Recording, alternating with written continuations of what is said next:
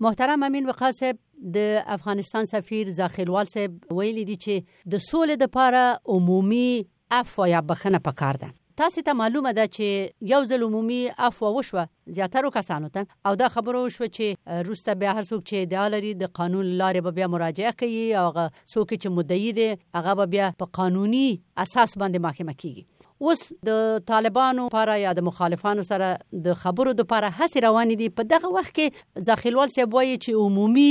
بخنه پکار ده څه فکر کوئ مشکل حل کولی شي دغه رقم خې دغه رقم عفو دیارلس سوه او یو اویاوم کال کې کله نجیب باندې فشار راغی هغه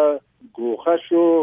نبی عظیمی جنرال نبی عظیمی په مشرۍ یو شپږ کسیزه هیئت ته واک وسپاره او دا خبره وشوه چې مجاهدین د بنین سوان د لارې نه کولی شي راشي او دغه واک مجاهدینو ته وسپارل شي نو په دې بنیاد باندې بیا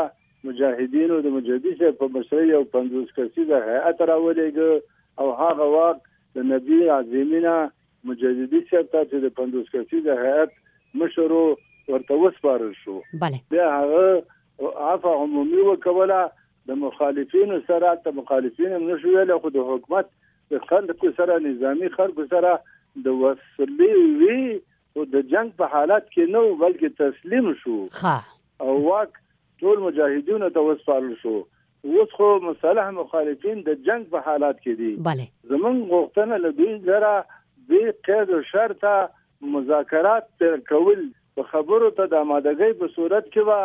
د دوی پیشنهادونه، د دوی انتقادونه او د دوی نورې غوښتنې دا ټولې معلومې شي د عافیه عمومي خبره به هم پکې راشي د حکومت کې د حضور خبره به هم راشي د سیاسي موجودیت خبره به هم راشي د خبرو د پیل نه مخکې یوه مسله هم د دې نه سوا چې دوی قید و شرط خبرو شروع کولو ته آماده یو بله خبره نشي کېدلی ولې دوی وسله په لاس په موضعګانو کې حضور لري خو موږ که وسله هم درسره وي خو راځئ چې دا خبرې پیل کړو که په داخل د افغانستان کې وي کابل کې ورته دفتر ورکو دوی مسؤل په ذمه وارۍ سره تللی او راتللی شي ځینې خبرو کې نتیجې ته هم نه رسېږو بیا دوی هم په هماغه ځای باندې سپارو له کوم ځای نه چې راغلي وي ښه نو یوه بله مسله دلته دا هم ده چې زخیلوان صاحب وایي چې طالبانو کې اوس ډېر فرق راغلی دی او که د عمومي بخښنه وشي نو دا به د مسلې یو حل وي د دوی په فکر چې دا تجویز یې کړی دی بله موضوع دا ده چې دغه د ملي وحدت حکومت چې جوړ شو چې مثلا ځینو کسانو ته عمومي عفو وشوه بیا ولس انتقادونه کوي چې دغه عمومي عفوې په اساس باندې بیرته امغه کسان چې د هغوی لاسونه د خلکو په وینو سره وو بیرته په قدرت کې کیناستل په مقامونه ورته ورکړل شول او دغه ملک کې چې حالات نه کیږي اصلي وجه دا ده نو کداغه تجربه بیا تکراریږي فکر کوي سوله برې شي ک جنگ به بل شکل واخلي نو خدا موږ دې ته متوجي یو حکمتیار صاحب راغې اوس دا به مسلح کسان تر قومندې لاندې نه دي بلکې مسلح کسان حکومت سره یو ځای شوي دي د د امنیت لپاره حکومت کسان ورکړي دي